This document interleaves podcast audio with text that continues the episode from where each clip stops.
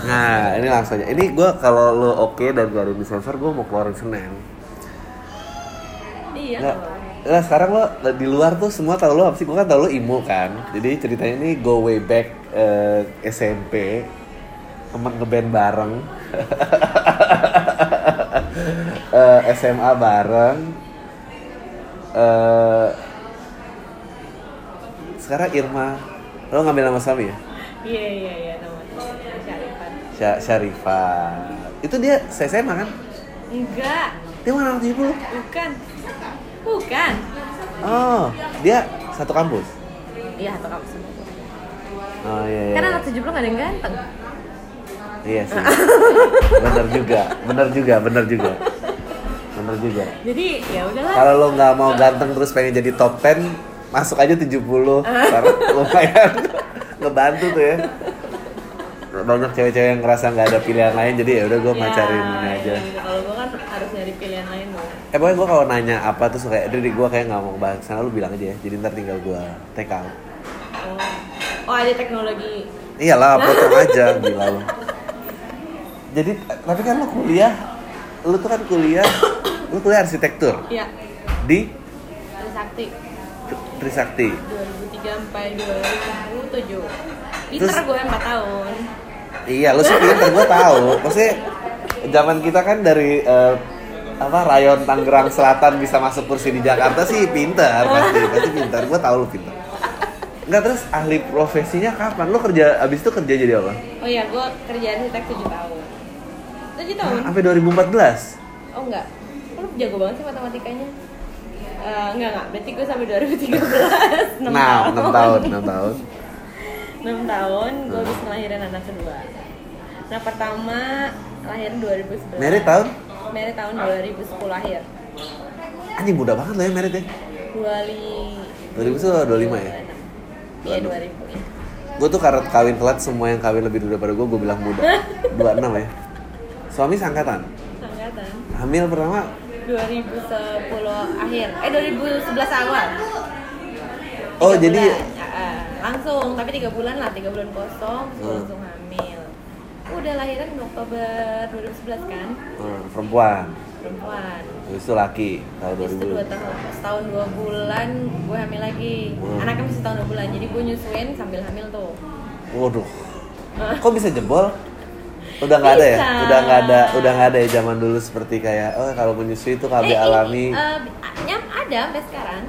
Tapi kan itu 6 bulan Oh, enam bulan Eh, eh, eksklusif. Eksklusif Kalau udah lewat dari situ sih, Oh. ya udah Pokoknya intinya kalau udah menstruasi ya pasti bisa hamil lah Iya sih. Iya, Eh, iya. apa semua orang bilang kalau konten sosmed semua yang parenting tuh pasti drop. Kita lihat lo kalau pamornya lo, gitu, drop apa enggak? Oke, terus lo break 2013, anak udah dua karena emang udah ada panggilan ini apa emang? Enggak, jadi waktu 2010 punya anak pertama su- struggling di soal ASI, menyusui gitu-gitu. Hmm. Oh enggak, enggak, sorry sorry. Sebelum sampai Kayaknya harus deketan. Oh iya, iya, sorry sorry. nah, segitu aja ya. Sebelum sampai situ dulu. Jadi waktu gue hamil itu, gue sangat sangat biasa, sangat normal. Maksudnya sangat biasa, sangat normalnya tuh sebagai ibu-ibu galau hamil pada umumnya ya nangis lah. Nah, oke. ya Baby bluesnya nggak parah lah. Eh, enggak, Belum ini, nyampe ini, ya? ini malah belum lahiran. Pas Oh, aku masih hamilnya dulu, pas hamilnya tuh gue nangis. Gue ini wajar lah namanya ibu hamil. Nah karena gue merasa saat saat gue sering nangis itu gue bilang kayaknya nggak sehat buat bayi gue. Jadi gue Hmm. carilah metode-metode apa yang bisa bikin gue tenang. Ketemulah sama si hypnobirthing dari Singapura. Waktu itu gue masih tinggal di Iya. Singapura. Gue jauh-jauh ke Indonesia buat ketemu Mbak Eva ini. Terus gue belajar hypnobirthing kan. Hmm, ya aja. Nggak apa-apa.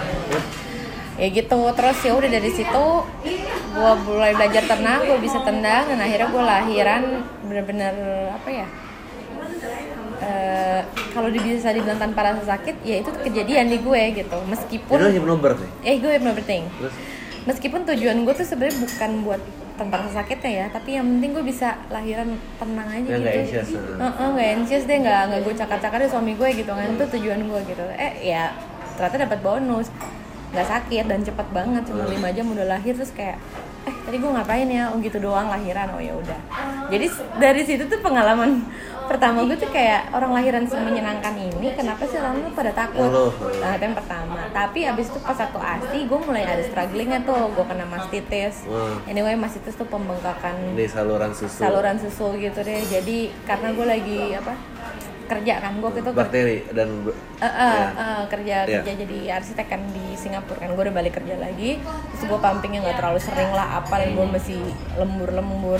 Hmm. Ya udah dari situlah gue merasa bahwa gila kok si ibu-ibu ini kalau out of nowhere di Singapura sendirian kayak gue itu gue nyari support system ke mana nih? Ah harus ada orang nih yang ngeladenin emak-emak ya. clueless begini nih siapa gitu. Akhirnya ya gue struggling sendiri cari buku ini itu.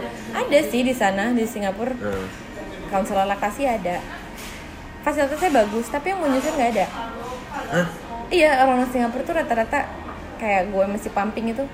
Pumping Ya, umur ngapain 7 sih? bulan sih Iya. kayak still have ah still have ah. Dia, dia selalu nanya Iya, masih iya. masih punya emang ngasih Iya, lo kayak gitu-gitu melulu jadi kayak underestimate banget. Sedangkan gue butuh di support terus gue mastitis 10 gue butuh support. Jadi gue kayak gila lo gue mau mencari ke mana sih fasilitas orang-orang yang bisa mendukung gue Hmm. untuk tetap bisa percaya bahwa gue bisa asi dan semua semuanya.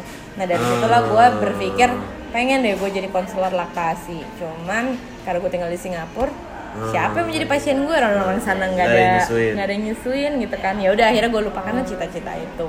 Sampai gue hamil lagi nggak lama. Nah. habis gue hamil lagi itu gue sama suami gue berdiskusi. Gila anak pertama di Singapura struggling bisa sih Ya. anak dua uh, should we back or stay here gitu kan Ah. akhirnya sempet dia mau dipindahin ke Dubai sempet apa kita ke Dubai aja wena tapi akhirnya gue nanya sama anak gue oke Hmm. pasti menurut lo nih Nah, apa sih nah. mistis banget nanya sama anak gue. gue nggak judgmental gue Oke oke. Ntar ada satu sesi khusus. Enggak, enggak. Oh enggak. gue ada beberapa yang pengen gue tanyain gue seneng banget Oh, ketemu iya. Oke oke. karena ke- oke da- dari sisi gue eh, ada beberapa part yang yang yang yang gue mengerti karena eh well gue been practicing meditation maksudnya anxiety itu sesuatu yang oh sesuatu yang real dan harus di cope banget gitu nah sekarang nanti eh, dan ternyata banyak banget orang yang yang tidak punya sistem awareness yang nggak usah ngomongin hamil ya maksudnya hidup kesehariannya aja dan uh, out the way they choose life aja tuh uh, uh, nggak nggak punya itu dan dan hidup ya udah lewat gitu aja.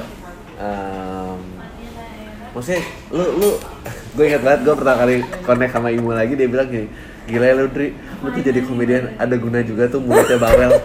Mulut bawel itu. Nah itu tuh itu kena banget di gue karena banyak dari gue memori dari tahun memori dari terutama dari tahun 90 ya dari tahun 2000 lah kita kenal kan. Eh lu Kak Albina Tahun 98. 98 kan? 98 99. ya? ya karena lu Ya. tahun kedua gitu kan Nah, tahun kedua. anak baru yang banyak diincer gitu lah ceritanya Eh, apa eh, kebawelan gua ngomong gua dan apa segala macem ngedeketin selalu pengen punya pacar atau apa eh, gua nggak pernah realize bahwa itu tuh more about my anxiety dan dan apa yang beneran gua pengen Eh, mengartikulasi apa yang lu rasain, being present dan apa itu sesuatu yang sesuatu yang jauh banget nggak pernah kebayang gue bisa sampai titik itu. Inti konsepnya kan sebenarnya seperti itu kan, iya, eh, betul. dan apalagi menurut gue perempuan jauh lebih sulit, nah bukannya seksi sih, tapi karena ya hormonal changes dan apa segala macam eh, banyak banget yang out of their control. Jadi connection dan apa that part I get lah maksudnya gue nggak gue nggak nggak nggak nggak nggak nggak ini so oke anak kedua nanya sama anak lo Iya. lo pindah ke Jakarta Intinya gue dari anak gue mau pindah ke mana. Bahkan yang pas anak pertama gue kan masih tinggal di Singapura, gue Ya. memutuskan akhirnya di Jakarta juga nanya sama dia. Dia nendangnya oh oke Ah, ah, nendangnya di Jakarta. Nggak tiba-tiba suara dari perut mau di Jakarta aja? Gitu. Enggak not that cheesy juga gitu. Tapi oh anyway. Gitu lo itu lahirin di Jakarta tapi? Itu gue lahir di Jakarta Ah, oke. gue balik lagi. Hmm. nah pas yang anak kedua gue nanya sama anak gue mau kita Hmm. ke Dubai? Mau kita stay di Singapura? Atau mau kita keluar kota aja? Gitu. Karena waktu itu kalau nggak salah re- requirement Singapura untuk untuk eh, bikin dependent pass itu naik gitu pokoknya Oh, iya. agak-agak dipersulit deh pada tahun itu atau 2013 lagi pergantian presiden kan terus jadi kita pikir udahlah di sini juga gejolaknya lagi nggak enak terus Hmm. ini jadi kita pulang aja deh kita pulang ke Jakarta Ya, ya. akhirnya kita bikin studio arsitek bareng itu gue belum jadi Ya. dula tuh Hmm. nah di situ gue benar-benar belajar dari awal lagi tentang hamil. Gue belajar lebih banyak lagi. Nah ketika gue belajar lebih banyak lagi gue jadi merasa gue punya hak untuk memperjuangkan apa yang gue inginkan dibanding sebelumnya. Nah objin gue itu tuh tadinya tuh eh, bapaknya temen gue. Nah, jadi kalau gue mau pindah juga kan nggak enak. nggak enak. Hmm. sementara ada beberapa pilihan persalinan gue yang kayaknya Against their- against Hmm. gitu nggak kurang kurang kurang sejalan gitu dan saat itu tuh masih ada waterbird di Di Indonesia. tahun 2013 tuh masih ada terus tapi gue nggak berani pindah rumah gue di Bintaro saat itu Oke, jadi nah, sebelum lo lebih jauh lebih banyak nih dengerin biar biar hypnobird itu apa? oh Waterbird oke apa? oke oke oke jadi biar nggak salah salah Nah, di sekarang lagi marak tuh gentlebird ya. jalur gentlebird itu namanya sebenarnya filosofi Hmm. filosofi mengembalikan kepercayaan eh, persalinan itu kepada tubuh perempuan. Oke. Terus supaya menjalankan persalinan juga lebih sadar, sadarkan pilihannya, Ya. sadarkan kemampuannya. Ya. Jadi ibaratnya kalau Google Maps, ini Google Maps buat lahiran. Oh. Jadi lo ketemu jalan tol macet sama jalan tikus tapi nggak ada macet, Ah, itu lo siap. ya ya ya. Mm, Intinya gitu kalau kalau si gentlebird. Hmm. Gentlebird itu filosofi, jadi tidak ada pilihan. Hmm. Yang jadi pilihan itu metode. Nah, Ya. metodenya itu bisa hypnobirthing. Hypnobirthing tau? Hypnobirthing itu adalah satu metode di mana kita bisa uh, merelaksasi diri kita, Oh, Oke. me- me- menggali anxiety kita apa, fear kita apa tentang Ah. persalinan. Terus kita sadarin, terus kita ganti dengan afirmasi positif. Oh. Jadi memasukkan afirmasi positif ke dalam Oke. tubuh yang yang negatifnya dikeluarin kayak gitulah. Hmm. Kurang lebih. Itu hypnobirthing. Kemudian water birthing itu metode persalinan di air. Hmm, Kenapa itu lebih direkomendasikan? Karena kalau di air itu sebenarnya di dalam ketuban bayi Nggak dalam ketuban itu kan air.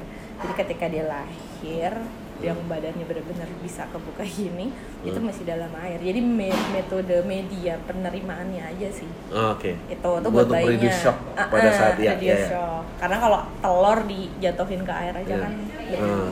lebih nyaman kan Hmm. nah buat ibunya ketika kontraksi juga rasanya lebih minim Oh, oke. gue nggak bilang sama sekali hilang loh Iya, karena iya. nggak boleh hilang lo Iya. kebayang kalau nggak ada Oh, rasanya nih iya, lo lo eh oh aja lo Iya. pup aja Ada rasanya. harus ada mulas kalau Hmm. nggak lo bisa cepirit di mana-mana. Nah lahiran juga gitu. Kalau lo nggak kontraksi lo pasti akan takut ketemu ibu hamil karena setiap ibu hamil akan bisa lahiran di mana pun tanpa tanda. Iyalah. kontraksi tuh Iya, harus ya. ada. Pain itu kan sign that you're alive. ya betul. Sign of your life. Nah cakep lo. Terus terus. Nah abis itu hypnobirthing ada di Indonesia. Abis itu di abis itu apa? Nah, abis itu gue Eh, Ah, Waterbird Waterbird. masih ada Waterbird Indonesia. tuh masih ada, tapi Ya. terakhir tinggal di rumah sakit di Menteng. Ya. Gue pindah ke sana, gue pindah ke sana aja butuh perjuangan ya nyokap gue nggak setuju lah, Nah. karena menurut dia ya kalau lahiran di air tuh darah tuh ke mana-mana gitu kayak pembunuhan. Nah, Jadi gue kayak meyakinkan nyokap gue untuk mau aja itu satu hal. Kemudian harga lebih mahal. Hmm. Oke lah kalau harga bisa dicari sih. nah. Tapi eh, di luar daripada itu ya jarak. Hmm. Kalau laki-laki kan logisnya ah lu gila lo rumah Bintaro lahiran di Menteng Eh. bener aja gitu. Cuman once again kembali lagi ketika gue relaksasi hypnobirthing komunikasi lagi sama janin, Hmm. anak gue itu memberikan tanda maunya sama si dokter yang di Menteng. Oke. Dan itu selalu nendang setiap gue kalau lagi di dokter yang di Menteng itu. Ah, oke. Akhirnya 35 minggu, 35 minggu, minggu itu sekitar sebulan lagi mau lahiran lah. Itu Hmm. gue baru pindah dokter. Hmm. Setelah drama mana-mana. Nah setelah gue pindah, gue banyak membaca dan semua semua semuanya. Hah? Gue lahiran di air. Hmm. Nah cuman emang Tuhan adil lah ya. Ketika gue di tempat yang tanpa persiapan, Hmm. itu gue cuma 5 jam. Hmm. Pasangan dengan tempat yang very very Ya. good banget, itu gue sampai 24 jam. Wow. Jadi gue punya dua pengalaman yang berbeda, Hmm. tapi imbang gitu. Hmm. Akhirnya singkatnya sih setelah dari dua persalinan tuh gue merasa bahwa perempuan itu bisa, perempuan itu hebat, asal ya memang dia percaya diri. Dan Hmm. percaya dirinya perempuan itu biasanya Ya.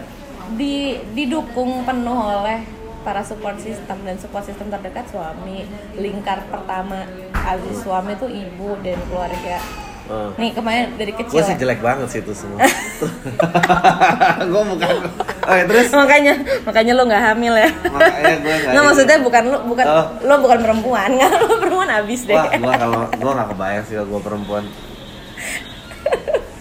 terus ya terus, terus. gitu jadi support dari Ah. itu tuh paling penting Ah. nah sekarang kalau jadi bapak bapak sekarang kita bahas satu-satu jadi bapak bapak dia dari kecil nggak pernah diajarin kita ya budaya Ah. kita ya nggak pernah diajarin benercer tuh seperti apa main Oh, boneka iya. main boneka aja lo Iya. udah ah lo apa sih main boneka Iya, banci iya. lo gitu Iya, gitu iya, iya. kan sekarang tiba-tiba harus sayang-sayang Hmm. istri lo lagi hamil harus uh, Iya. tenang harus bijak Iya. harus kamu bisa kamu bisa Iya. kamu bisa pale lu dalam hati gue juga Iya. emang dia bisa gitu Iya, iya, iya, iya, iya. terus emang di, di luar daripada dia emang gue bisa jadi bapak emang gue bisa Oh, nanti iya. Jadi banyak anxiety anxiety juga yang sebenarnya bapak itu rasakan. Dan kita tuntut untuk sigap. Lo harus sigap dong sama istri. Iya Iya. iya gue dari kecil nggak pernah Iya, iya, diajarin. iya, gue harus iya. sigap ini. Akhirnya memang perlu ada satu orang netral yang bisa objektif. Yang bisa mendukung itu semua. Oke, gua gua maksudnya oke sekarang pertanyaan-pertanyaan gua tuh lebih pengen nanya gini, kayak menurut lo ya, gua kemarin ngebahasnya kayak apakah anxiety itu semakin meningkat zaman sekarang? Apa emang apa sih perbedaan parenting dulu sama sekarang? Ngerti sih lo? Kayak Oh, kayak apakah iya, kayak iya, dulu iya, iya, iya. a- apakah perempuan juga memiliki kecemasan dan perasaan ketidakmampuan yang sama sama perempuan yang sekarang? sekarang? Sama pasti. Tapi tapi tingkatnya pasti berbeda. Karena Tingkatnya kalau pasti dulu berbeda ya? kan eh, sasar belum ada. Ah. Jadi nggak ada jalan pintas mau nggak mau lo harus hadepin itu mau ya nggak mau harus hadepin ya bahkan Eh. sorry sorry tuh saya gitu ya lo harus hadepin kalau emang lo kenapa-napa ya pilih lo apa bayi lo yang selamat gitu kan hmm. which itu juga nggak itu Nggak juga nggak bagus. nggak bagus gitu kan di di masa yang sekarang sebenarnya penemuan persalinan sesar itu jadi jadi intinya gue tuh bukan anti sesar ya tapi ya ya ya tapi gue hanya ingin mengembalikan semuanya ke natural way dan Ya. sesar itu perlu kita syukuri ada sebagai opsi when things go opsi wrong ya Ah. when things go wrong when things sudah nggak bisa jalan lagi ya Iya. udah itu Iya. kita udah punya emergensinya Iya. Jadi Mulai ketika- bukan jadi way out jika bukan way out pertama sebelum Iya. kita ini gitu. Iya, iya, iya. nah yang ada sekarang karena udah ada way out Huh? ya udah kenapa nggak way out aja langsung kan gitu tuh Iya, iya, iya. emang banyak yang kayak gitu ya? ya lumayan sih lumayan banyak Hmm. lumayan banyak dan mungkin si ibu kadang bukan dari ibunya kadang suaminya yang pengennya begitu. Kadang orang tuanya yang pengennya begitu. Pengen Plus, anak cantik gitu ya? Ah iya. Alasan bisa banyak deh bisa karena cantik karena dia dia nggak mau ribet udah gue nggak mau tegang gitu. Padahal kalau tegang kan bisa dicari tahu kenapa. Kenapa? tapi ya itu tuh menarik tuh kayak apa lo emang dari dulu orang yang selalu in touch sama diri lo? Apa lo orang yang juga baru di rediscovering yourself and then baru lo discover purpose lo gue rediscovering myself dulu sih abis lahiran itu gue merasa Oh. menjadi pribadi yang baru sih Oh, oke. Kayak- Tapi lo nggak pernah merasa kesulitan of who you are dari SMA, kuliah, apa nggak? dulu kan gue cuma pengen jadi arsitek udah satu Oh, itu kejadian malah ih ternyata bukan apa-apa ya gitu. Gak sebenarnya fulfilling seperti yang gue bayangkan. sebenarnya jadi arsitek gue sangat fulfilling Hmm. tapi ada panggilan lain aja jadi misalnya gue tiba-tiba tidak tidak mau Yeah, lanjutin yeah, yeah, yeah. gue jadi arsitek juga masih bisa nih gue masih seneng liat detail bangunan masih seneng Oh. komentarin suami gue kalau kerja lo jangan gitu dong kalau bikin ruangan jelek Oh. bagusan gambar gue misalnya kadang-kadang gitu bisa berantem tuh gara-gara gitu gue gak pernah berantem sama suami gue kecuali soal arsitek iya. makanya sebenarnya karena gue sebenarnya masih get into it banget cuman ada panggilan lain yang gue rasa ini lebih urgent buat buat purpose Tapi lo life emang dari dulu itu sih. Ya, like gue dari pertama Iya, iya, kali iya, kenal iya, iya. lo, there's always sense of a caretaker dari lo. Uh, Oh, iya, iya. Buat Iya buat ya. gue ya, gue ngeliat lo selalu lu, lu selalu punya aura itu. uh, I mean, nah ini ya ini sorry jadi ngebongkar-bongkar sama maksudnya. ada alasannya kenapa orang yang broken itu deket sama lo. oh iya iya Ya, karena karena itu jadi magnet tersendiri of ada dua sebetulnya. Lu either broke kalau lu broken in a way terus lu lihat orang yang lain broken lu bisa detect oh dia nih broken nih. Gue tahu tapi gue nggak tahu entah orang tuanya nggak ngawasin orang-orang cerai apa pokoknya you, you know. Tapi lu nggak bisa fix apa apa Iya. tapi ada orang-orang yang eh ya dia caretaker gitu. Dia ma- ma- jadi Ya, ya. meskipun meskipun nanti ntar sampai ujungnya ternyata oh gue nggak bisa bertanggung jawab untuk memperbaiki Iya, iya, iya. kehancuran lo kecuali lo benerin diri lo Mm, mm, mm, sendiri gitu ya sebenarnya gitu. Eh, kenapa gue merasa tidak gue merasa selalu di jalan yang sama sih meskipun gue kemarin arsitek sekarang gula karena kalau arsitek gue juga melihat kegampangan seorang pasangan Ah. menentukan pilihan yang membangun rumah. Oh. Ya tapi emang komunikasi tuh susah nggak sih? Komunikasi susah banget. Once lo udah bangun rumah aja sama pasangan ya ampun teribut mulu sih. Iya. Kalau nggak ada arsitek di situ tuh emang emang adulthood tuh susah sih. Maksud gue kayak nggak nggak ada guidebooknya. Terus lu cuma uh, based on apa ya uh, lu cinta lu sayang tuh butterfly in your stomach. Tapi Iya, iya, maksudnya iya, iya, iya, once itu gone itu kan lu menghadapi fase lain yang kayak fuck gue harus deal nih sama orang ini gitu. Uh, uh, dan dan pada saat itu yang tadinya perasaan tinggi itu lu pegang sebagai kebenaran begitu itu nggak ada lu akan kayak oh ini ada yang salah sama relationship gua atau gua harus cari yang ini ini maksudnya kan Iya, iya, itu jadi ribet sih nah abis itu Hmm. gue lahiran ultimate perfection of human love yang tadinya gue pikir oh Hmm. dari pasangan nih adalah ultimate perfection of human love nih Hmm. Romeo and Juliet aja bisa. Tapi Romeo and Juliet tuh belum terbukti loh karena dia mati. Mati. Iya gampang. Gampang. Tan Malaka juga bikin idealisme adalah hal yang udah dia nggak pernah punya anak.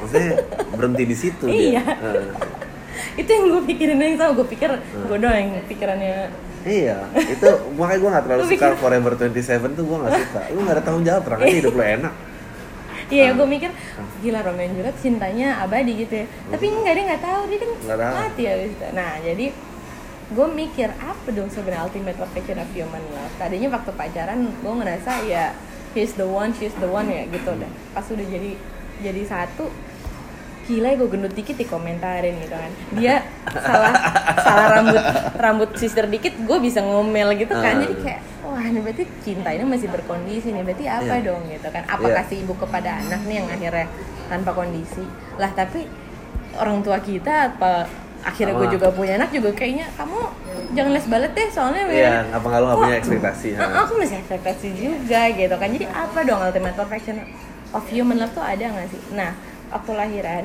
hari pertama gue ngeliat anak gue ngeliat gue Hmm. di situlah sebenarnya ultimate perfection of human love adalah anak kepada ibunya Hmm. Dia nggak milih men gue mau cantik Iya, apa kagak iya, iya, ya iya. kalau dia jelek ya udah urusan eh, mungkin Iya. dari lu kali ya dari emak gue Eh. terus dia nggak milih asi gue sedikit apa Iya. enggak Hmm. padahal gue yang pengen asi gue harus banyak harus banyak tapi kan Dia dia, milih ada, iya. mau gua, mau dikasih support kan yang masalah jadi gue bukan dia kan. Hmm. dia dikasih support ya bodo amat. Yang penting gue kenyang yang penting ada lu ada suara emak gue ada suara bapak gue gitu kan. Jadi ultimate of perfection of human tuh justru gue dapetnya dari situ. Dan itu yang kita nggak pernah bahas. Kita selalu didoktrin kasih ibu kepada beta sepanjang masa. Nah, yang durhaka tuh malin kundang Iya, jadi tutup jadi batu. Nggak pernah diceritain ibu-ibu durhaka. Iya iya iya. iya, Padahal iya. tuh- Iya, ngerti gak sih ibu yang nyusul punya anak juga banyak gitu kan maksudnya. iya, iya. ibu nyusul punya anak juga banyak ibu Eh. durhaka tuh juga banyak tapi nggak ada gitu loh eh, cerita rakyat Iya. ibu dikutuk karena menelantarkan anak Iya, gitu iya. jadi di situlah gue merasa bahwa sebenarnya menjadi ibu menjadi eh, akhirnya jadi kuat akhirnya jadi bisa akhirnya mau beranak lagi dan sebagainya sebagainya itu pilihan sih tapi maksudnya menjadi kuat itu sebenarnya gurunya cuma satu yaitu anak itu sendiri Hmm. Di gitu Lo- jadi. lo mendapat semua ini dan apa itu berapa lama? Abis anak kedua semua. Iya tuh abis anak kedua. Itu Anak pertama udah mulai-mulai tuh. Udah mulai, gue udah mulai mengkritisi Udah mulai begini, udah mulai gitu. Terus udah gitu gue sangat idealis. Gue harus asik, gue harus ini, ini, ini, ini Deng, tiba-tiba gue mastitis Terus gue nangis. Di situ tuh gue mikir Hmm. Anak gue tuh gak apa-apa lo gak dapet asi Tapi yang masalah tuh gue berarti. Iya. Gue nih yang yang asinya nggak lancar buat dia Jadi gue sakit. Jadi sebenarnya tujuan asi ibu-ibu Janganlah bilang demi anak, demi anak. Enggak, ini buat demi lu. Iya, lo kok yang berusaha Lu fulfill ya. Lo harus realize ego lo dulu baru lo Iya, hancurin. Itu yang akhirnya Iya. switch itu dan gue pikir itu yang akhirnya jadi basic parenting gue sama suami gue adalah iya bukan gue nih yang jadi Ah, central point ya central pointnya tapi justru eh, sorry sorry. Bukan anak ini sih yang jadi central pointnya Iya. tapi justru ini kita nih Iya. memberi apa buat dia? Percaya Buat dia, iya, apa iya. buat dia gitu? Itu menarik banget sih.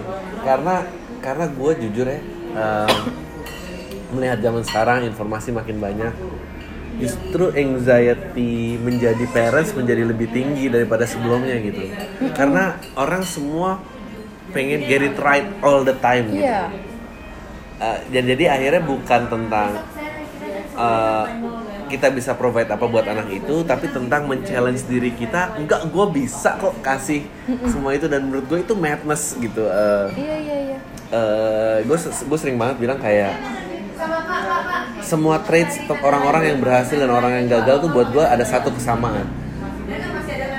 Ketemu orang-orang yang gagal dan stay gagal ya nggak mau balik lagi itu semua produk over parenting produk yang dikontrol yang betul suportif tapi suportifnya itu bentuknya Ya, projection helikopter helikopter gue nyebutnya helikopter parents Oh iya helikopter parenting dia, dia selalu memonitor kan iya.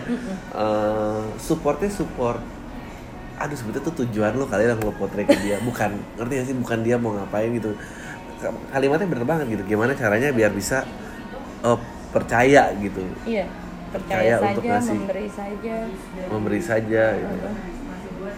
terus yang mem- mem- punya pamrih siapa? Kita kan. Iya, emang anak mau mau di sekolahin di sini di situ? Kita. Iya, iya. udah sekolahin jauh-jauh malah begini mal- lah yang minta sekolahin siapa? Jadi lo sangat hippie dong ya ini sekarang ya ceritanya. enggak lah gila lo meskipun ini gue sempat gue tadi yang gue judge dari lo cuma kayak aduh dia akan menjadi liberal fasis yang kayak cara lama semua salah nggak ya? Gitu. Gue kayak tapi gue harus ketemu sih sama ibu gue pengen tahu dia di mana. Oh ternyata enggak. Bagus lah. Enggak kok enggak enggak banget bener-bener. Karena gue memang melewati cara-cara lama itu. Karena lo udah dua kali kayak gitu dua ya kali gitu dan pas anak ketiga ya itu juga eh, pamungkasnya lagi.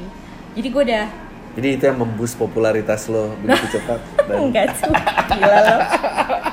Gue gue tuh shock pas gini dulu aja ada nih gue kayak wah transcend juga ya ini di mana di mana tiba-tiba ya gitu sih tapi, kadang ken- tapi kenapa sebetulnya sama aja sih kayak oh apa apa sih konsekuensinya kalau if you don't get it right for a kid? Gue kemarin ngebahas ini juga jadi gue ada konten sama Aryo sama Abeng dia dia they both parents gitu. Dan gue bilang kayak kayaknya salah-salah dikit juga nggak apa-apa ya maksudnya.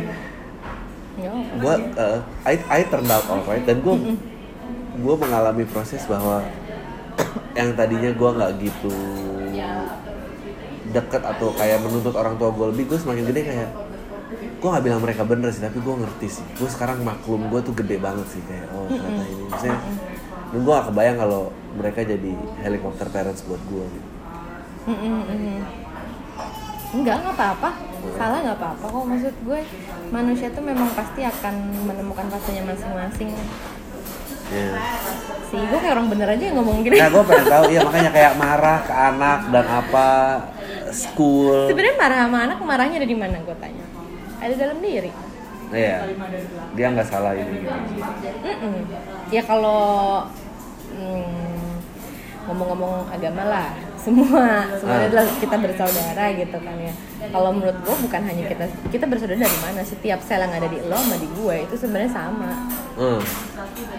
Di mana pun di dunia Iya, ini. iya, iya. Maka ketika gue marah sama sel yang ada di badan lo, itu sebenarnya sama sama marah sama sel di badan Iya, lo. iya, iya. Jadi Ah. marahnya itu ada di dalam. Tapi lo sendiri jadi parents Ya, gue apakah pasti marah lah. Gila lo, gue tuh bisa jadi monster juga sebenarnya sama anak. Hmm. Dan biasanya habis marah nih JR gitu keluar, anak gue ya udah yang susah memaafkan lah diri gue habis itu gue Iya. nangis lagi kok Iya. gue habis marah begitu ya kok begini ya Hmm, punishing yourself gitu. Iya, akhirnya punishing yourself itu yang sebenarnya lebih lebih lama dan kadang-kadang punishing yourself itu juga bisa inner child kita yang dari kecil iya, kita iya.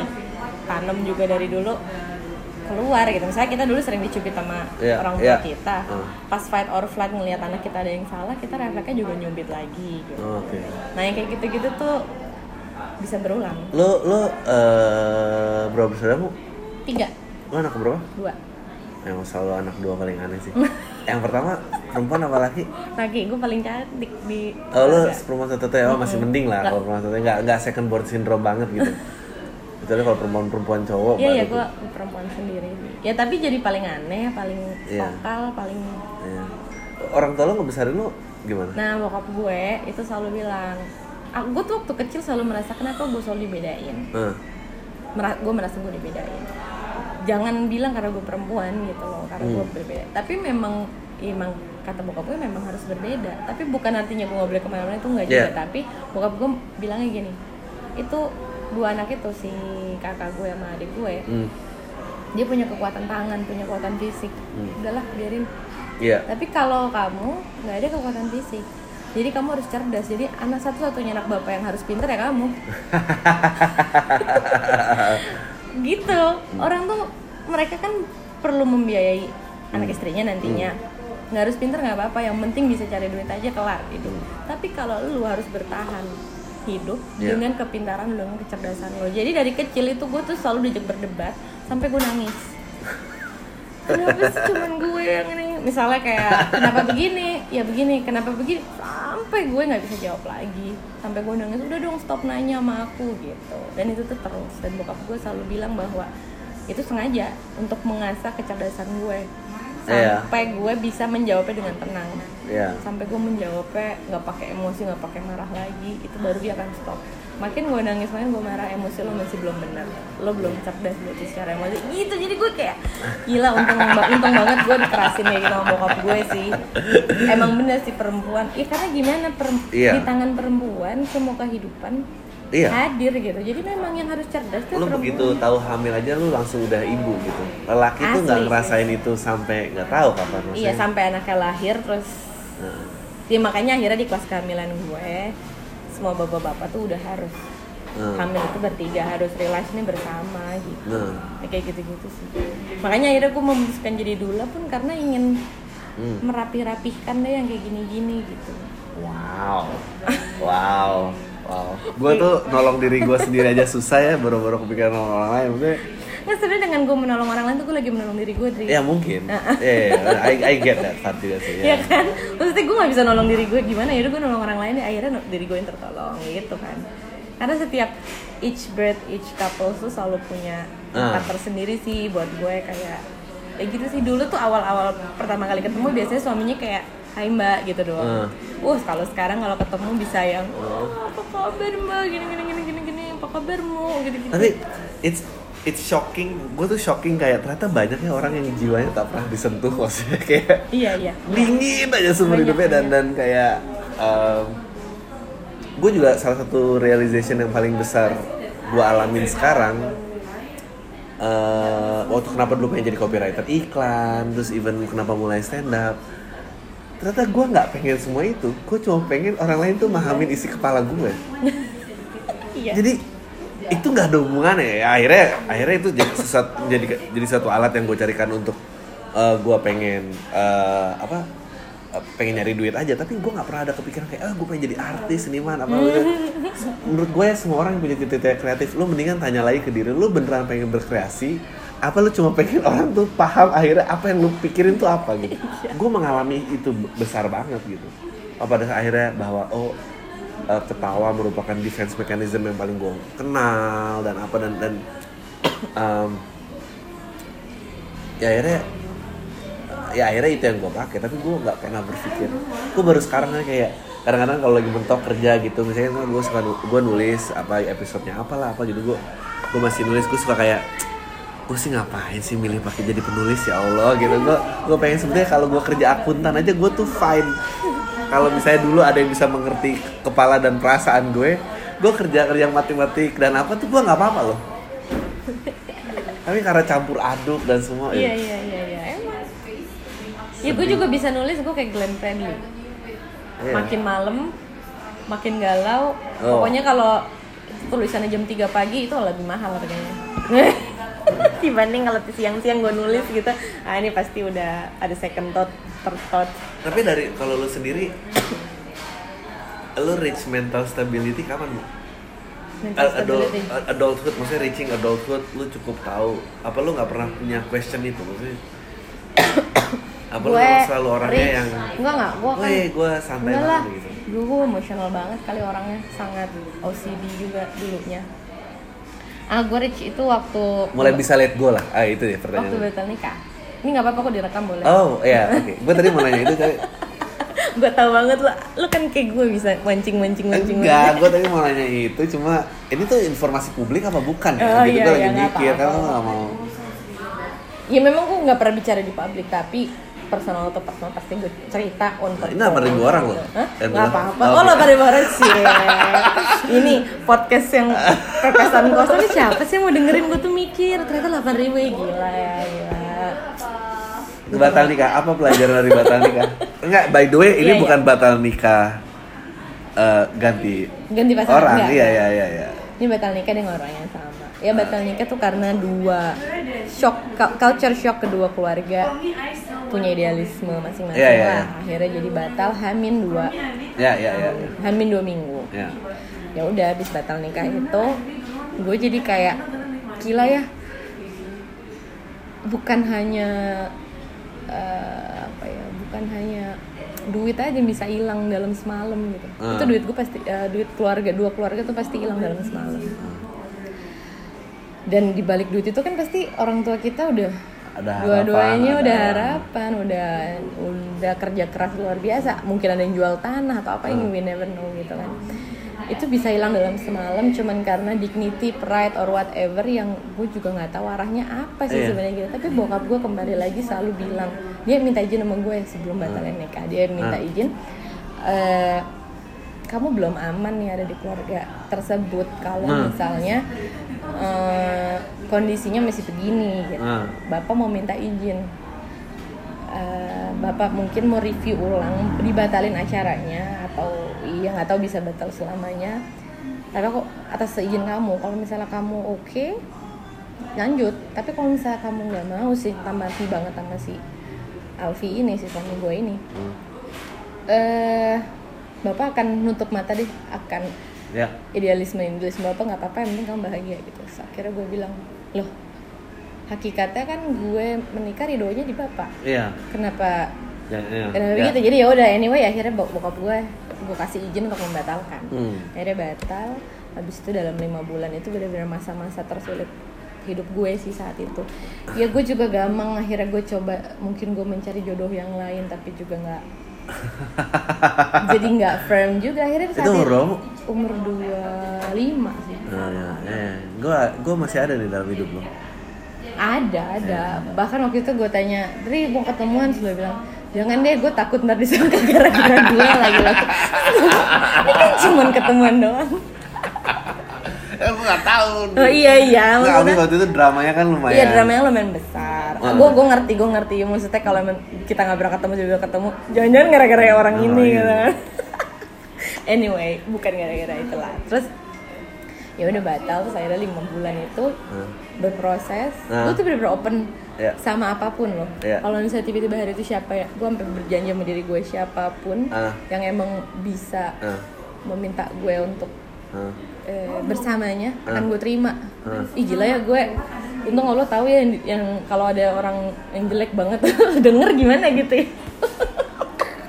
ya anyway, Terus? maksudnya gue nggak spesifik doa, semoga Ah. dia balik lagi sama gue gitu nggak. Nah saat itu tiba-tiba gue keterima kerja di Singapura, gue harus pergi. Si suami gue itu pada saat itu mesti jadi dibilang mantan mantan kawin Iya, nggak jadi itu Iya, iya, iya. mendengar gue mau pindah ke Singapura terus gue bilang now or never gue sampai Singapura hidup gue udah Ah. akan jalannya ke sana Ah. lo sama gue udah end gitu Ah. ceritanya ya udah tiba-tiba dia pergilah dari rumah nggak bawa apa-apa tanpa orang tuanya dan dia juga punya struggling sendiri sih dengan orang tuanya saat Iya. itu dia pergi gitu dia cuma punya kepercayaan bahwa aku pergi purpose-nya kan sebenarnya untuk kebaikan gitu Oh. kalau purpose untuk kebaikan pasti akan bisa diterima suatu hari nanti Hmm. meskipun saat Hmm. itu kita udah ekspektasi untuk diterima lagi ke keluarga tuh udah udah hilang sih Ah, iya, iya. jadi gue akhirnya singkatnya di, di Singapura tuh kabur lah Ah. Kawin lagi? Apaan? Oh kawinnya bisa belum ke Singapura kawin kan cuma di rumah tuh dari lu datang gua ya? datang rumah. yang cuma di ruang tamu gue di sulap jadi, Jadi pas ke Singapura tuh udah kawin kondisinya. iya udah udah Oh pas itu ini ya. gue Iya, ke iya, Singapura tuh iya. harusnya Desember nah gue bilang Desember gue akan ke Singapura terus November lah dia datang ke gue Gila tuh ya. It- Nah pelajarannya apa tadi? Ya, pelajarannya gue sama dia jadi kayak nggak mau berekspektasi dan gue punya satu quotes berdua dia adalah mimpikan usahakan lepaskan nah Nah, jadi kalau kita punya mimpi kita udah usahakan kita udah lepaskan aja udah. Iya, bener. Ya, kayak gitu Nah. jadi sama di metode persalinan yang gue suka ajar di kelas pun Nah. gue selalu bilang mimpikan pada saat 9 bulan saat lo bermimpi usahakan ambillah usahakan Hmm. jadi knowing yourself tuh mimpikan habis itu usahakan gimana caranya mendapatkan yourself Hmm. hari H lo lepaskan gitu karena ketika lo masih begini nih Iya susah banget, semua lu pengen kontrol susah semua. banget semua lo pengen kontrol susah banget akhirnya bisa pecah begitu aja Ya, nah itu balik lagi tuh kayak helikopter parenting dan segala macam kayak eh, kenapa ya orang tuh mau ngelakuin itu?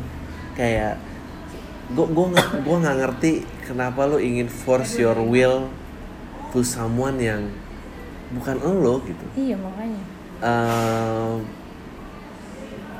apa eh, dan akhirnya hanya orang-orang yang dengan tekad yang paling ngotot aja yang akhirnya ya harus ngelawan orang tua berantem apa to get what they want padahal kan itu kan energi luar biasa Iya. kan gitu dan yang kesaring yang tidak cukup kuat dan akhirnya kalah itu kan jauh lebih banyak lagi gitu Mm-mm, mm-mm. dan ya gue bingung aja sih lo akan menjadi orang tua yang jadi lo sekarang cukup sulit ya untuk membuat lo marah ya. Misalnya dari anak lo misalnya gue mau Iya, pilih. bisa oh dia tatoan lo? Enggak.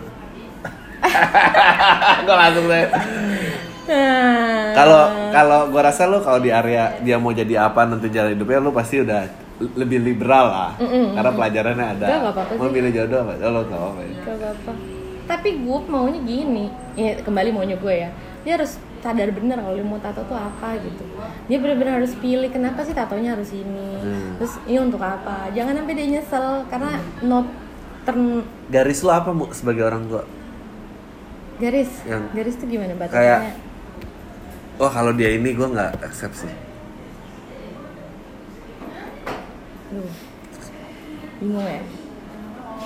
Ini sensitif ya sebenarnya. Bahkan misalnya dia harus oh ya pindah agama pun gitu Ah. pasti gue nggak mau tapi di hati kecil gue sih sebenarnya kalau emang itu amit-amit sampai terjadi sih nah. ya gue bisa apa ya gue pasti akan Ah. menerima tetap anak gue gitu loh maksud gue Enggak sih, enggak sensitif kayaknya. Sensitif nggak ya? Enggak ya. Gue nggak tahu sih. Oh, mau dibuang aja.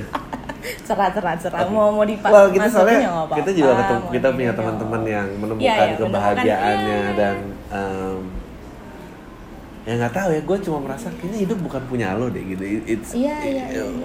momen lo menyadari hal itu memang agak suka bahaya dengan being reckless gitu. Iya, iya, A- iya, agak iya. tipis Ah, banget tapi tipis, agak somehow tipis. uh, somehow uh, itu metode yang um, yang paling works dan gue juga sering-sering ditanya kayak eh Adri kenapa sih lo dulu bisa nyampe di sini apa like gue nggak pernah mimpi Hmm. nggak pernah mimpi Iya, gue cuma inget tahun 2008 uh, eh 2008 2010 2000 eh 2012 gue 2012 gue uh, berhenti berkarir di advertising aja. Habis Hmm. itu kayak you know what I'm just gonna welcome apa pun yang mau gue welcome gitu. Sih batasan gue nggak tahu sih batasannya apa ya. Tapi gue merasa bahwa orang berprinsip teguh tuh banyak Hmm. tapi yang berkarakter bagus itu dikit. Dikit. Ya ya isinya orang keras kepala semua sih yang dan yang gue setuju iya bagus banget ya. Iya orang berprinsip tuh banyak Iya. maunya apa. Ya Oh, udah gampang, lancar ya. gampang ada seribu orang punya seribu prinsip. Iya, iya, ya iya. tinggal kategorinya aja. Iya, kuat iya. kuat banget nggak Eh, kuat eh, low weak kalah apa itu kan. Tapi yang berkarakter yang akhirnya bisa blending yang akhirnya bisa bisa memberi warna nih lo gue gitu dan gue bisa collab sama lo kolaborasi sama lo. Karakter gue sama lo ternyata nyambung tata. Hmm. itu susah sekali. Sebenarnya orang kayak apa sih? Dia dulunya Eh, sebelum ada kejadian batal nikah itu sangat nurut air bawa ke mana dia ikut. Ah, itu oke. yang gue gemes gitu. Itu yang pada saat dia jujur nih halo bang aku aku udah pernah bilang sama kamu. Gue nggak tahu sih dia bisa buka denger Bisa, apa bisa.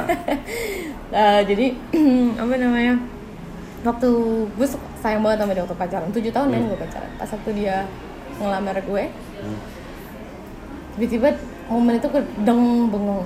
Hah? Dia ngelamar gue lagi? Oh my god.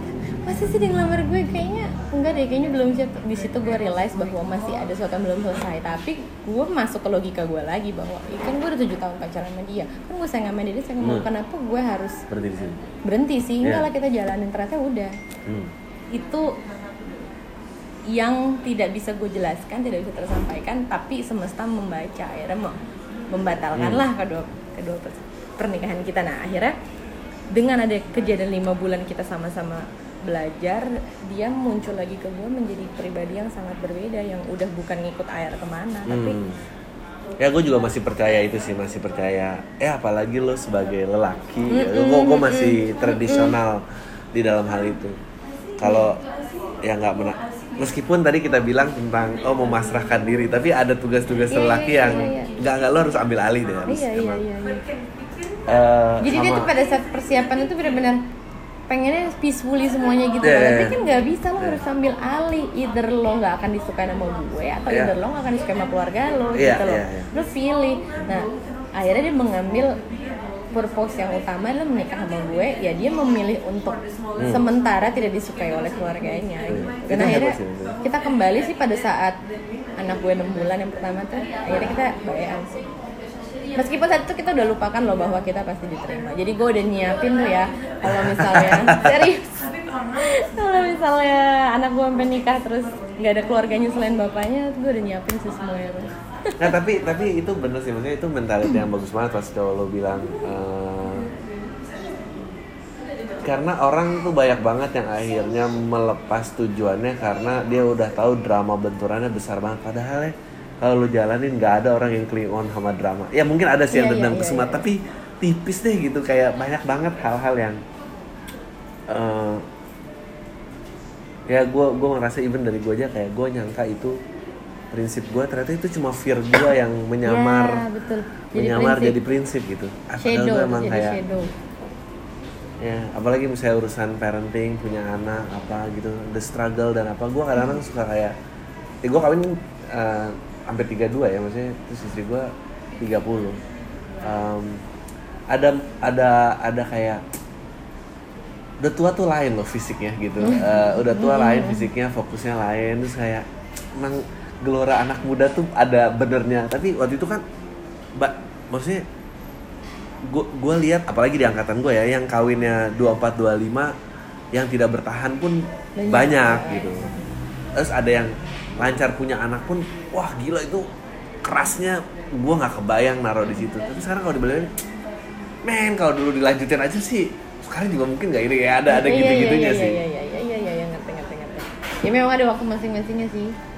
Ya gue sih kayak gitu-gitu bahan untuk menjadi komedi aja gitu. Maksudnya gue gue gue menyesali 80% keputusan hidup gue tapi ya gue rasa kan ada yang bilang if you're not ashamed to your past meaning that you you, you don't grow ya berarti gue growing lah. Gue Iya. coba ambil itunya aja gitu. Bener bener bener bener. Enggak karena gue inget banget ya gue gue tuh gue tuh gue tuh anak ketiga dari bokap gue tapi anak pertama dari nyokap gue. Jadi gue tuh produk second marriage.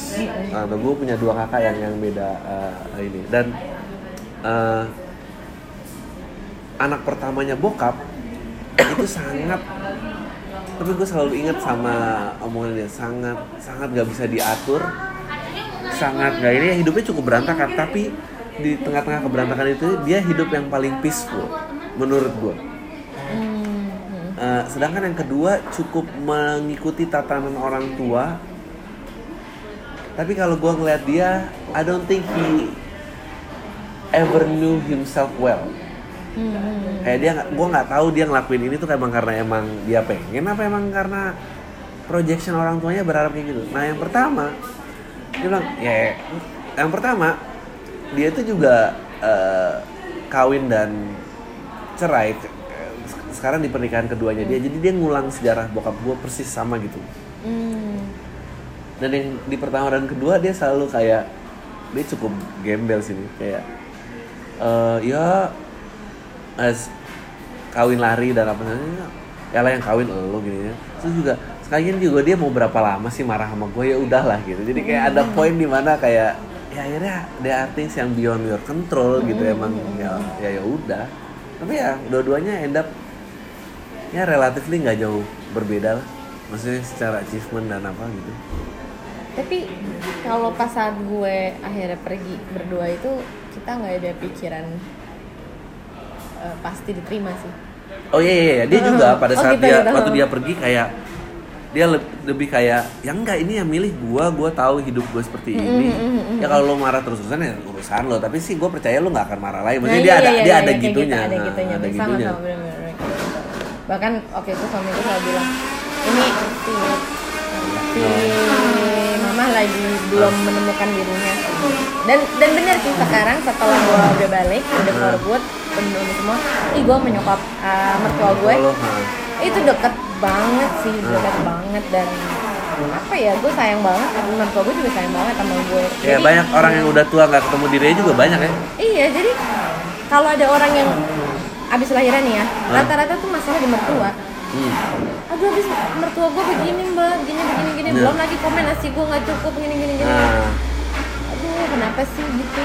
Cukup lah drama yang begitu gitu, maksudnya ya udah sih tapi gue jadi merasa beruntung kenapa gue ancur-ancuran di depan Hmm. karena untuk growing up bersamanya tuh di belakang tuh malah lebih ya, menurut gua ke, ke bawah ke bawah cemasan, ajakan dan saran itu tutup di SMA aja lah gitu nggak sih? Iya, Kita iya, iya, pergaulan iya. banyak orang, maksudnya lu jangan mau gitu terus gitu. iya ya tapi kan kalau kitanya nggak Firm.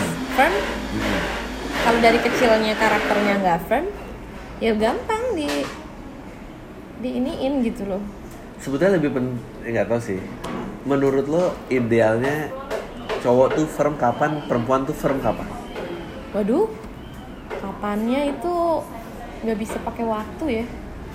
Eh tapi range aja lah maksudnya. Karena menurut gua gua ada pendidikan pendidikan master yang cukup gua suka kayak udah lu di atas 17 lu keluar dari rumah ini. Lu mau di sini ya lu lu bayar kos di sini. Nggak peduli gua gitu. Maksudnya oh iya iya iya iya. karena ada metode-metode yang menurut gua ada ya kayak orang zaman dulu istilahnya yang lu tau gak sih kalau di film-film action tuh yang kayak anak laki dibuang ke hutan nanti iya, dia iya, balik iya. seperti pria dewasa. Ya itu ada benernya maksud karena there's a- kayak eh, banyak lagi yang yang gue kehilangan tuh gue selalu gue selalu ngerasa apa pun yang gue lakukan tuh terlambat 4 tahun. Hmm. apa pun. Bisnis kuliah apa deh. Dan gue ketemu jawabannya adalah karena gue nggak pernah belajar untuk gagal gue nggak pernah dibiarin untuk gagal gue nggak pernah belajar gagal saat resikonya dikit gue tekanan untuk berhasil itu besar. Jadi pada saat taruhannya besar gue itu yang ada terjebak bukan berani bukan berani melakukan yang terbaik ngerti lo? Hmm.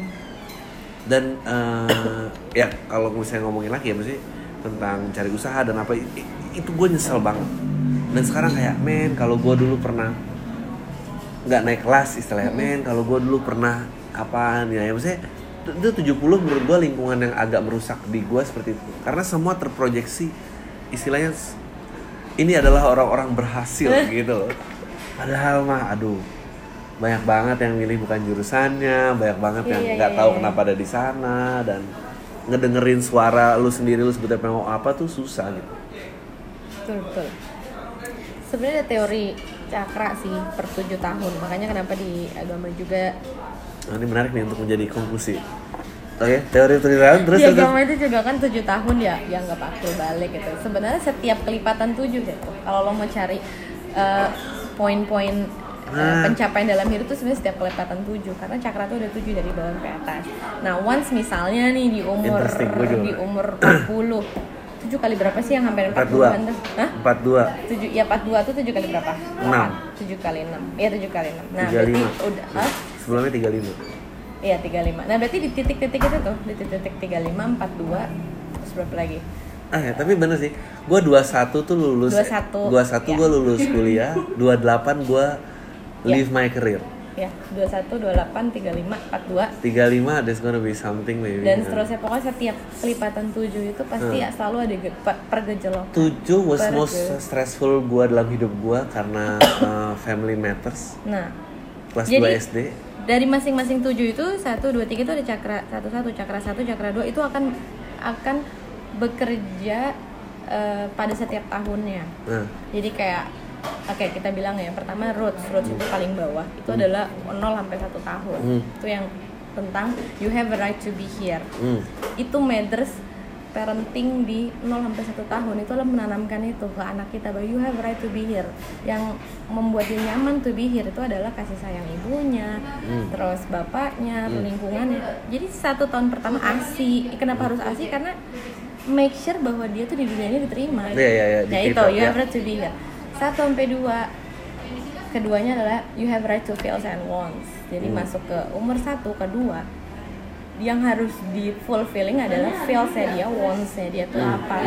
Makanya umur satu dua, dua tahun tuh kan mulai kayak oh, oh mau barang Iya, ambil iya, iya, terus iya, kalau iya. nggak dapet marah nah itu harus di treat itu gimana habis itu dua ketiga you have right to take action Hmm. di, di tahun dua ketiga dia mulai bisa action gue mau lari ya gue lari gue Hmm. mau ini ya mau nyanyi gue nyanyi mau numpahin air suka suka gue gitu Hmm. itu terus habis itu tahun keempat ya tiga keempat berarti itu you have a right to eh, feel loved and to be loved. Ah, nah, jadi tahun 3 sama 4 di situlah dia mulai bersosialisasi sama teman-temannya.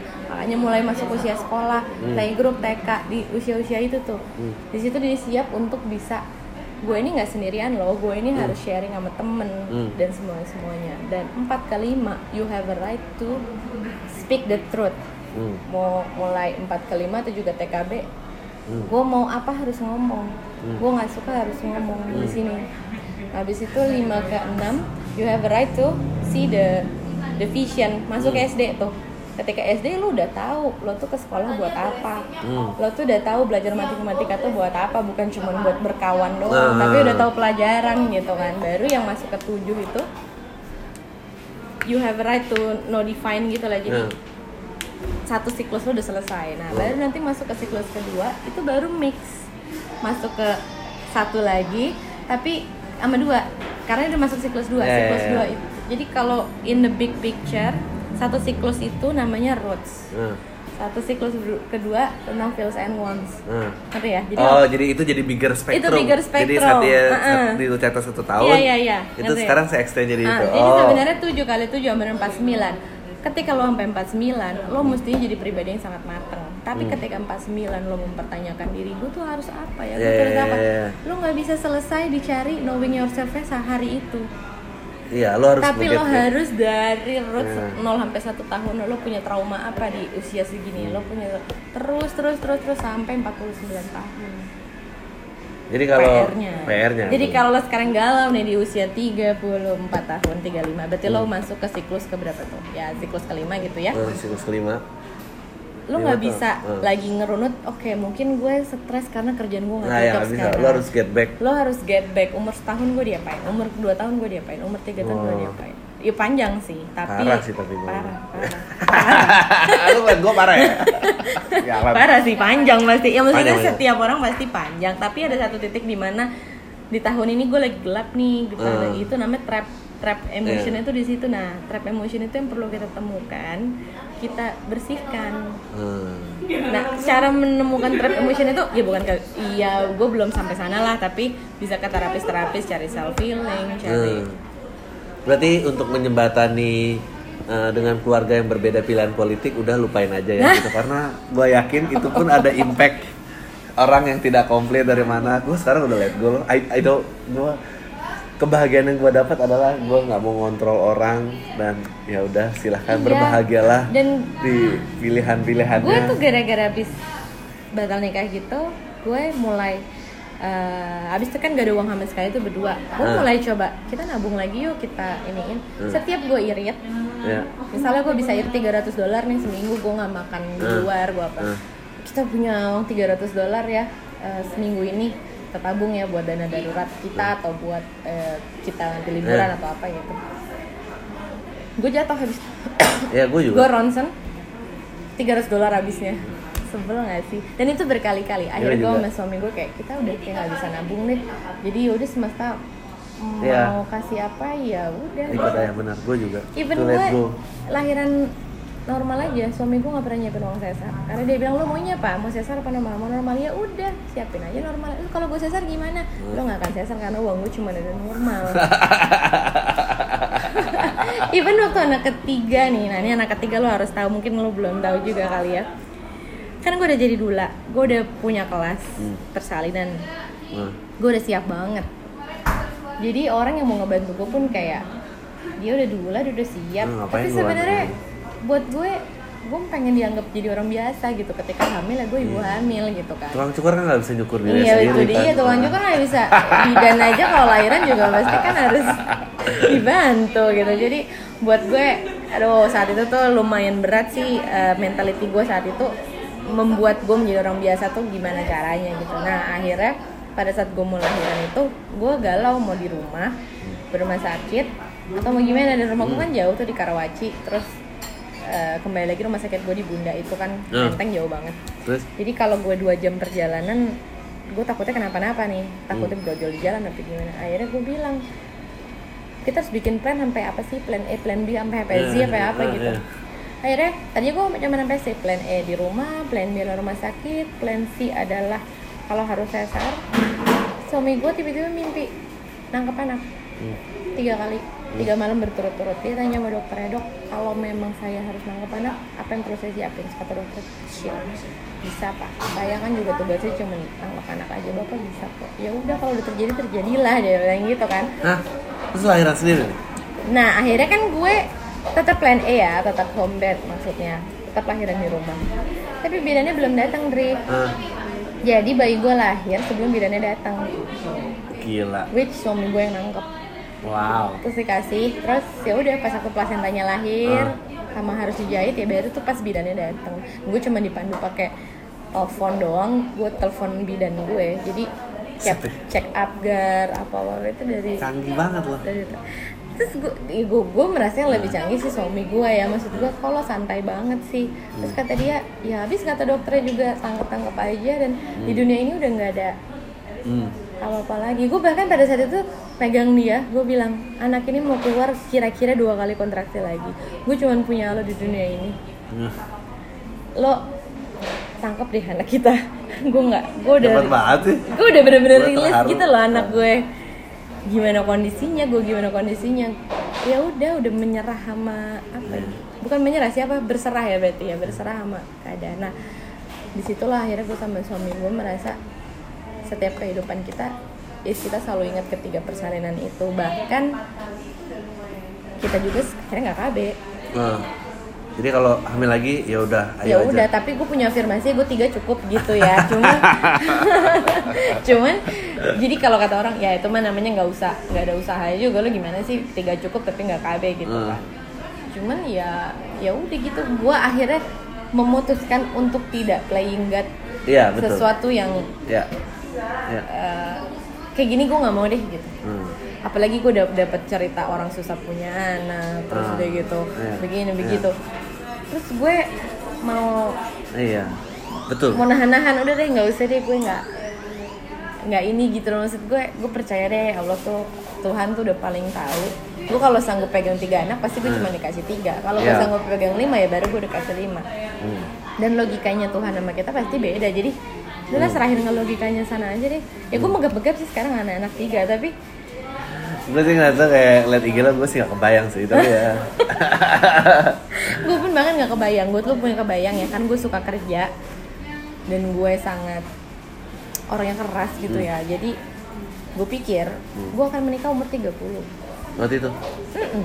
oh. Apalagi eh, pacar gue saat itu seangkatan. Jadi gue pikir mungkin gue akan logis ya kita harus sukses dulu harus apa dulu baru nikah gitu kan kalau emang lo mau sama gue gitu atau gue mau sama lo tapi ternyata enggak gitu Nah, gue masih ya kalau gue masih juga percaya bahwa eh ya lu lu bertualang, lu settle down, lu menjadi parents, and the cyclus of human being tuh menurut gue tetap harus dijalanin sih. Jadi eh bu terima kasih ya satu jam loh kita iya iya ngobrolnya. iya iya udah satu jam Udah. pas thank you ya gue kalau nggak.